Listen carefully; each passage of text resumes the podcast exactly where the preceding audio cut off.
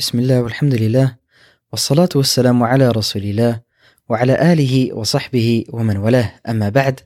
Beste luisteraars, welkom bij de achtste aflevering van een kijkje in het leven van de profeet, sallallahu alayhi wasallam. In de vorige aflevering hebben we het gehad over een aantal zaken die hebben bijgedragen aan de bijzondere positie van onze profeet, sallallahu alayhi wasallam, binnen Quraysh. Ik vind alleen dat ik deze punten niet echt tot zijn recht heb laten komen en dat misschien niet helemaal duidelijk is hoe deze zaken hebben bijgedragen aan de manier hoe men keek naar onze profeet sallallahu alayhi wasallam alvorens hij het profeetschap kreeg. Onze profeet sallallahu alayhi wasallam groeit dus op als wees in Mekka. Maar doordat hij dus de kleinzoon van Abdul Muttalib is en omdat Abu Talib optrad als zijn voogd, bleef zijn eer onaangetast. Wat ook een belangrijke rol speelde in zijn ontwikkeling, was het feit dat zijn hart was gereinigd. Dus mede hierdoor heeft hij nooit beelden aanbeden, dus hij heeft nooit shirk gepleegd en hij heeft ook nooit alcohol genuttigd. En hij is überhaupt ook nooit op plekken geweest of in situaties gekomen die niet zouden passen bij een toekomstige profeet. Er zijn zelfs sommige islamitische historici die zeggen dat hij al tijdens zijn jeugd op de hoogte was van een toekomstige profeetschap. Hier zijn alleen niet echt doorslaggevende bewijzen voor. Sterker nog, er zijn eerder bewijzen die dit ontkrachten. Dus we gaan ervan uit dat Mohammed sallallahu alayhi wasallam niet wist dat hij het profeetschap zou krijgen. Wat we dus weten is dat Allah subhanahu wa ta'ala zijn profeet heeft behoed voor afgoderij. En Allah subhanahu wa ta'ala heeft hem ook behoed voor onzedelijk gedrag en voor losbandigheid. En zo stond hij ook bekend om zijn hoogstaande karakter binnen Quraysh. Sterker nog, hij werd El-Amin genoemd, de betrouwbare. En aangezien er geen banken waren in die tijd en kluizen, fungeerde het huis van de profeet sallallahu alayhi wasallam als een veilige plek voor de waardevolle spullen van Quraysh. Verder werd ook zijn mening en zijn wijsheid zeer gewaardeerd, omdat hij altijd de waarheid sprak en ook omdat hij zijn woorden zorgvuldig uitkoos. Hij was geen verhalenverteller of iemand die roddelde. De woorden die hij sprak, de weinige woorden die hij sprak, waren woorden van wijsheid. En daarom werd zijn mening ook zo gewaardeerd en gerespecteerd door Quraysh. Een voorbeeld is toen Quraysh de Kaaba wilde restaureren. En wat misschien leuk is om hierbij te benoemen, is dat Quraysh de Kaaba wilde restaureren, maar ze hadden niet genoeg geld dat op een eerlijke en op een nobele manier was verkregen. Ze hadden niet uh, genoeg halal geld om het zomaar even te noemen. En daarom hebben ze de Kaaba niet volledig kunnen herbouwen. En dit is dus de reden dat als je nu naar de Kaaba kijkt, dan zie je een half muurtje staan. Uh, het muurtje dat je ziet is een soort van boog. Uh, het loopt in een, een ronde vorm, rond de, vlak voor de Kaaba. Dat hoort dus bij de Kaaba. Maar ze hadden te weinig geld om dat te herstellen. En nu vraag je je misschien af, waarom heeft de profeet sallallahu alayhi wasallam dat dan niet later hersteld?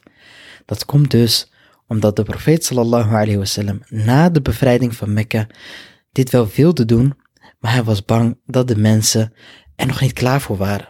En men zou misschien denken dat het eerste wat hij doet nadat hij, ons, nadat hij uh, Mekka heeft bevrijd, is gelijk aan de Kaaba zitten. En Quraysh had natuurlijk heel veel respect en waardering voor Al-Kaaba. Maar goed, hier komen we later in deze reeks nog wel op terug. Nu eerst terug naar waar we gebleven waren. En op het moment dat ze dus klaar waren met het restaureren, moesten ze ook Hajar al-Aswad terugplaatsen. En Quraysh zou Quraysh niet zijn als dit niet meteen leidde tot een heleboel oneenigheid en gebakkelei. Iedereen wilde de eer krijgen om de zwarte steen terug te plaatsen, maar niemand gunde het elkaar. Dus ze besloten dat iemand anders maar over hen moest oordelen. En zo besloten ze dat de eerstvolgende die binnenkomt, de eerstvolgende die de moskee binnenkwam, over hen zal oordelen. En precies op dat moment liep onze profeet sallallahu alayhi wasallam de moskee binnen. En voor Quraysh was hij natuurlijk de aangewezen persoon om zo'n oordeel te vellen. Want hij stond bekend om zijn rechtvaardigheid.